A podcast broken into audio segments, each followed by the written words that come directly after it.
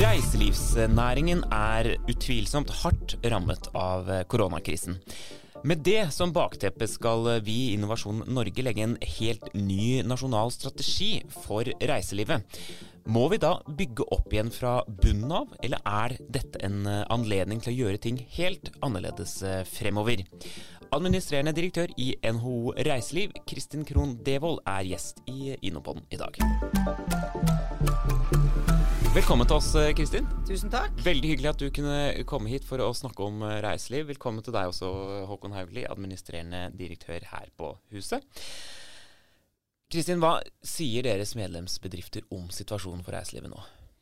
Nei, Det er utrolig mye fortvilelse, for dette er jo livsverker til mange. Det er kafeer, restauranter, opplevelsesselskap som har brukt mange år på å bygge det opp. Mange har hatt det i flere hundre år i generasjoner. Og akkurat nå så er de i tvil om de overlever. Fordi myndighetene har stengt ned alle deres muligheter til å ha inntekter, uten at kompensasjonsordninga har vært på plass samtidig. Det er det ene de sier.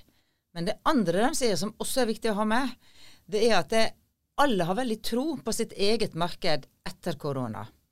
Og alle ser at det vi kan tilby i Norge, med god plass og fantastiske, unike opplevelser og ren luft og god hygienefaktor og lav smitte og alt dette der, vil være enda viktigere når vi skal inn på den internasjonale arenaen etterpå. Så det som er utfordringa, vi må overleve frem til sommeren. Og det må myndighetene rett og slett ta et ansvar for, for det er dem som har stengt oss ned. Etterpå så skal vi ta ansvar for overlevelsen sjøl. Hvordan er det da? Du møter jo mange bedrifter i, i den eh, rollen du har. Hvordan er det å se liksom, hvordan det står til nå? Jo, jeg syns jeg liker å se ting litt inn i et historisk perspektiv. Og For 100 år siden så hadde vi spanskesyka i, i 1918. Og da døde det veldig mange nordmenn. Og Det var forrige gang vi hadde en så stor global epidemi på størrelse med det som vi nå ser med korona. Og veldig mange av de bedriftene vi snakker med, de overlevde spanskesyka, helt fint. Men de vet ikke om de overlever nå. Og det syns jeg setter det i et perspektiv. At vi Hvorfor det, eller hva er det? Jo, det er et eller annet I 1918 var Norge et fattig land relativt til hva vi er i dag. Allikevel så klarte vi på en måte å få de fleste gjennom ei krise. I dag er vi et veldig rikt land. Myndigheten har mye mer makt. Mye mer makt også da til å håndtere smitte og til å iverksette strenge smitteverntiltak. Men vi risikerer at mange hundre år gamle bedrifter dør. Og det forteller meg at vi har ikke klart å balansere graden av handlekraft på smittehåndtering og graden av handlekraft på samtidig å gi bedriftene hjelp til å overleve. Og den ubalansen, den er spesiell for denne pandemien. Og det gjør inntrykk. Vi går jo inn i november nå. Jeg, jeg syns jo det personlig er en fryktelig traurig måned. men, du er ikke alpinist, skjønner men, men, det er noe med at liksom, hva, hva, er det vi gjør i november, egentlig? Altså, Vi sitter bare og, og, og, sturer, føler jeg, og nå blir det enda flere restriksjoner. Du, du må og huske det, vet at det er, november er en store spise ute-måned. Ikke Altså, det er julebordmåneden. Ja. Den- Den begynner faktisk 15. oktober og varer til 15. desember. Og det var litt det jeg ville fram til. Ja. Altså, hvordan er optimismen? eh, Er, er den til stede? Den var bitte litt til stede. Ja. Eh, fordi veldig mange nordmenn har jo levd veldig restriktivt og hadde gledd seg til å gå ut og spise en god middag med sine kollegaer. Ikke julebord, men julemiddag på en restaurant med setenummerering og strenge bevegelsesrestriksjoner. Men så kommer det hele tida nye restriksjoner, senest nå på mandag. Og det er restriksjoner formulert av helsebyråkrater, hvilket vil si ingen av dem har drevet hotell eller restaurant. Så er det uklart for hoteller og restauranter og kundene hva det betyr. Og det betyr at veldig mange av de viktigste julebordrestaurantene opplever kunder som ringer og avbestiller fordi de har misforstått budskapet fra myndighetene. Og det er det mest akutte problemet vårt akkurat nå. Det er hundrevis av avbestillinger fordi folk tror man må være bare 20 på julemiddag, mens det er fullt lovlig å være 50. Og det er fullt lovlig å være 200 på konferanse bare du sitter ned. Men folk misforstår, for det er veldig uklart formulert, fordi de som formulerer det, ikke driver i bransjen sjøl. Og dette gjelder også reiselivsbedrifter. Altså, Opplever de det samme, rene reiselivsbedrifter? Absolutt. vet Reiselivet er jo definert. Det er hotell, det er restaurant og det er opplevelser. Litt sånn kort fortalt. Og alle opplever det samme. Utrygghet på kundesida på hva de kan gjøre og ikke gjøre. Så på den ene side så sier egentlig både statsministeren og helseministeren og byråden i Oslo eh, spis julemiddag med de ansatte. Det er hyggelig, og det hjelper næringslivet vårt. Men så kommer det noen sånne retningslinjer som gjør at folk lurer på hæ, betyr det nå at vi skal avbestille alt. Det er det mest akutte vi står oppe i akkurat nå. Men jeg må jo si en ting til. Det er november. Alle vi som er glad i ski. Ja. Vi vet at mellom 10. og 20. november så åpner Ski-Norge. Og vi gleder oss et halvt år i forveien, sånn at det er også andre positive ting som skjer i november. Og der ligger jo hele distriktsreiselivet. Det ligger jo på dem som selger snø. Og det er klart at det, de er også veldig spent på uh, retningslinjene. Er de klare? Kan vi sitte ved siden av hverandre på skiheisa, eller må vi bare sitte på annethvert sete? Alle disse tinga òg henger litt i lufta. Og i utlandet så kan du sitte på hvert sete på alle skiheisene. Fordi at det, det, du er utendørs, og da er det mindre farlig, og det er en veldig kort periode du sitter på en skiheisa. Mens i Norge så må vi muligens ha annenhver, og, og dette her det er ikke enkelt for bedriftene å forholde seg til. Håkon, vi eh, også er jo tett på reiselivsbedriftene. Eh, noen ganger på en litt annen måte, selvfølgelig. Men hva, hva melder de til, til oss? Akkurat det samme ja. som Kristin nå har sagt, forteller de til oss. Ja. Og jeg tenker Det vi i hvert fall alle sammen kan gjøre, da, både som privatpersoner og bedrifter, det er nummer én, sett oss inn i hvilket regelverk som faktisk gjelder. Og ikke minst bruk eh, reiselivsbedriftene, de profesjonelle reiselivsbedriftene, restaurantene, hotellene og opplevelsene. Og den perioden vi er i nå, så tror jeg vi trenger det mer enn noen gang. Så ikke ut fra ren frykt eller hva man tror, kanseller. Hvis, hvis du har en favorittrestaurant, så bruk den nå, for det er nå de trenger deg. Og skal den være der og vi kommer ut i den andre enden, så er det helt avgjørende. Og så er det jo riktig, vi jobber masse med reiseliv. Vi har jo et stort oppdrag som heter Visit Norway, som handler om å synliggjøre Norge som reiselivsdestinasjon for hovedsakelig utenlandske reisende. Vi har vridd det oppdraget slik at vi i år har brukt ressurser på norske reisende for å nettopp synliggjøre hvilket fantastisk land Norge er hele året. Det handler jo om at vi har en Altså det er en veldig stort mangfold i det vi kan tilby både utenlandske og norske reisende. Og det er fantastisk. Og den stoltheten den har vi jo egentlig alle sammen i ryggmargen. Bare at akkurat nå så er den store utfordringen det er å sikre at disse bedriftene kommer gjennom denne perioden noenlunde på beina. Vi tror dessverre at vi også kommer til å se konkurser i reiselivsnæringen i den perioden vi nå er inne i. Fordi uavhengig av omfang av myndighetstiltak, så er det helt grunnleggende når kundene faller bort, er det vanskelig å drive butikk. Og Det bringer meg til det som er det andre vi nå gjør, og det er å lage en nasjonal reiselivsstrategi. For dette gir oss også en anledning, da. Det er jo ikke noen som har ønsket denne situasjonen, men det gir oss en anledning til å tenke igjennom hva slags reiselivsland er vi? Hvilke tjenester og produkter skal vi tilby? Hvordan skal vi løfte bærekraft, som jeg oppfatter hele næringen entusiastisk er opptatt av? Og hvordan kan vi sørge for at landet blir brukt hele året? Og det er også viktig. Hvordan har korona påvirket arbeidet med den strategien? Ja, altså jeg tror det er litt sånn Når du står i krise, så er det ikke det aller første du er å tenke fem år frem i tid, fordi Nei. du har nesetippen så fort, eh, så godt du kan over eh, Men vi er jo i gang, altså. Ja. ja. og det har vært et formidabelt engasjement, men vi ble litt forsinket i prosessen nettopp pga. krisen. Og det er veldig lett å forstå, men det betyr Nå er vi på, i full gang igjen. Vi har fått 151 skriftlige innspill. Det har vært 34 rundebordssamtaler. Vi har hatt en rekke én-til-én-samtaler med både fylkeskommuner, eh, regionale reiselivsdestinasjonsselskaper, det var et langt ord, destinasjonsselskaper, eh, og selvfølgelig daglig kontakt med aktører i reiselivsnæringen. Så dette er godt i gang, og jeg, vi skal lande dette på en veldig bra måte. Men det er åpenbart at et strategiarbeid påvirkes av den situasjonen næringen er i. Kristin, hvilke bedrifter kommer til å klare seg best, sånn som du ser det nå? Hvis vi tør å se fem år eh, fram i tid, vi legger en strategi, hvordan ser det ut? Altså alle de, som, alle de bedriftene som har et godt produkt, kommer til å klare seg best. Vel å merke hvis de får hjelp til å overleve akkurat i den perioden der eh, myndighetene har sagt at kundene dine får ikke lov å komme og betale til det. Um, og Hvis jeg skulle satt en overskrift på reiselivsstrategien, så ville det vært veldig enkelt. Da skulle den hete for de som bor og de som besøker. Altså bra for de som bor, og de som besøker.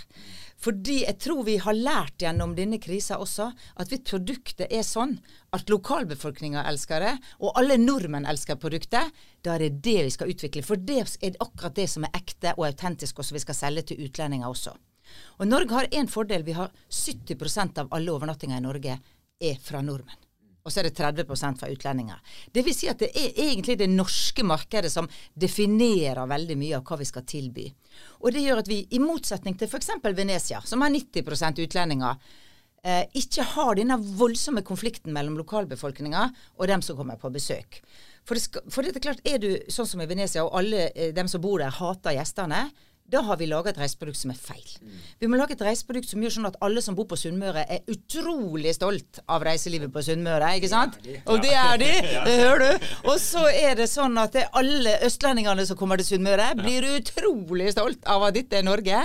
Og så kommer det selvfølgelig da tyskere og folk langt vekkenfra som også syns det er spektakulært. Hva tror du den sommeren her har betydd da? For akkurat det elementet der? Den har betydd en ny stolthet. Og den har spredd kunnskap til mange flere innbyggere om hva som finnes i egen landsdel og i andre landsdeler. Og det er jo det vi skal bygge videre på. Det er ikke sånn at vi skal sitte og lage et reiselivsprodukt som eh, f.eks. handler om å maksimere flest mulig eh, cruiseturister på kortest mulig tid til å eh, brøyte seg gjennom en by, mens alle dem som bor der er irritert. Det er ikke et bærekraftig produkt. Men hvis vi har et produkt som gjør at alle dem som bor i byen, syns det er kjempegøy å gå, gå i byen, syns det er kjempegøy at det er litt internasjonalt preg der, det er noen italienere og noe greier, men ikke så mye at vi drukner, da har du sant? Så best for de som bor, og de som besøker. Hvis vi klarer det, så behøver vi egentlig ikke å si noe mer. Og da er det også et betalingsvillig marked der ute. Fordi hva er det vi har sett av internasjonale trender lenge? Jo, folk ønsker å besøke steder som ikke er så crowded. Det har vi i Norge i massevis. De ønsker å besøke steder som har orden. Ikke sant? Det vil si at er en velorganisert eh, samfunn vi er jo så digitale i Norge. Det, nå er det, Du kan kjøpe CT2B på bussen til Kongsberg. ikke sant? Du er digital på fly, du er digital på kafé, du er digital på restaurant. På appen, ja, ja. Mat på appen. Altså, vi er jo verdens mest digitale samfunn. Og det også har jo fått enda en omdreining med, med koronaen. Og så har vi den flotteste naturen, og så har vi ganske herlig kultur òg, med festivaler og teater og museer og alt mulig sånt. De må bare få lov å åpne og selge produktene sine. Og så er det en ting til. Nordmenn er drita lei Teams. Folk er så lei av Teams. Og alle dem som tror at alle bedriftsmøter vil forsvinne etter korona, glem det. Jeg sitter inne og styrer. Det er ikke et styremedlem som ikke er dritlei Teams. Alle vil ha fysiske møter, for det er en helt annen kvalitet i rommet. Og det tror jeg man må være klar over, at vi trenger det sosiale livet. Vi trenger å mingle. Vi trenger konferanser med ei overnatting for å komme litt under huden på hverandre. Jeg er ikke bekymra for dette der. Men selvfølgelig vil det være en del sånn fly frem og tilbake på dagen for et totimersmøte. Det er enig. Det tar du på Teams. Men det har jeg grunn aldri lagt på hoteller, i utgangspunktet. Sånn at folk er så trygge på sine egne produkter, og da må ikke vi være myndigheter som sier nei, men vi har ikke noe tro på ditt produkt. De tester det nå i koronatida. De ser det etterspørsel. De ser at bedriftene i Norge ringer og sier vi gleder oss sånn til vi kan komme tilbake til det. Nå er vi så lei av dette og ikke møte mennesker. Men vi må få hjelp til å overleve. Det er egentlig Så enkelt er det. Håkon, er det viktig når vi skal inn i, i, i vår strategi? For vi er vel helt avhengig også av å ha mange utenlandske turister inn til Norge hvis vi skal lykkes i reiselivet? Ja, absolutt. Men jeg er helt enig i at vi må begynne med oss sjøl. Det er viktig. Altså Jeg tenker på min egen sommerferie. Er for assosiasjoner til den. Jeg var i Vesterålen, bodde på hotell Sortland og var på fjellet. Jeg var i, på Kistefoss, et fantastisk sted med kulturopplevelser og matopplevelser og industrihistorie. Jeg var i Dyreparken i Kristiansand og opplevde det. Og um, bodde, var turist i egen by og bodde på Hotell Amerikalinjen her i Oslo. Bare den lille viften av aktiviteter jeg var med på, er jo med å bevisstgjøre meg. Jeg, mange av de tingene ville ikke jeg gjort hvis ikke vi var i den situasjonen vi var. Og dette er jo denne, er vi litt tilbake til den oppfordringen da, til oss som enkeltpersoner og bedrifter. Bruk eh, det norske reiselivet. Da gjør du både selvfølgelig bedriftene en umiddelbar tjeneste, for du bruker deres, eh, deres, tilbud, men det bidrar også til å utvikle reiselivet over tid. Og det er, dette er, handler om kunder, møte mellom kunder og bedrifter, og det er helt avgjørende eh, at vi nå bidrar til å holde hjulene i gang. Både fra myndighetssiden, men også at vi som forbrukere ikke blir så skremte at vi selv om vi vasker hendene, ivaretar en meters avstand, bruker håndsprit, tror at det er farlig. For det er det ikke. Og jeg er helt enig i at vi er lei av Teams. Jeg tror også, som jeg sa innledningsvis, vi trenger dette nå mer enn noen gang. Vi trenger å se hverandre, og vi trenger å ha opplevelser, og vi trenger å dele disse opplevelsene. Og vi har en næring som tilbyr det. Så det er kjempeviktig og en viktig føring inn i strategiarbeidet.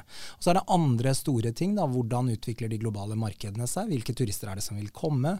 Vi tror jo f.eks. at nærmarkedet vil komme tilbake først.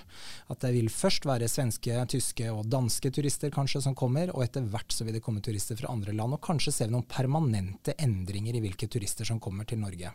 Og det innebærer igjen da at vi må fornye det tilbudet vi har. Og denne oppgaven er, er jo bedriftene på hver dag. Altså nordlysturisme, juleturisme, eh, hvalsafari. Eh, det er masse produkter. Eller det mitt favoritteksempel er disse her i Finnmark som tilbyr at du kan gå tur med hunden. Mm. Yes, det det syns jeg er så fantastisk. Wow. Og det er sånn, det løser to problemer på en gang. Men det å forstå da, at det er et marked, og omsette det til et, uh, en tjeneste eller et produkt, det er jo reiselivsnæringen helt fantastisk til. Mm. Til slutt, eh, Kristin, vi pleier liksom å, å slutte med en uh, positiv, et positivt statement her i Nåpoden. Men vi snakker jo det er jo et alvorlig bakteppe, dette. Altså, det, er, det, er, som vi var inne på, mange reiselivsbedrifter som, som, sliter. Er det noe positivt også som kommer ut av korona for norsk reiseliv? Ja. Det ene som er positivt, det er at vi har gått fra å være Europas mest digitaliserte reiselivsnæring til antageligvis å bli verdens beste. Det er jo veldig positivt. Eh, og det andre er at vi har fått bevisstgjort både næringa sjøl og de 70% kundene som bor i Norge, for et fantastisk reiselivsprodukt vi har. Og Liker vi det, så er det veldig stor sjanse for at det finnes ganske mange der ute i verden som liker det også.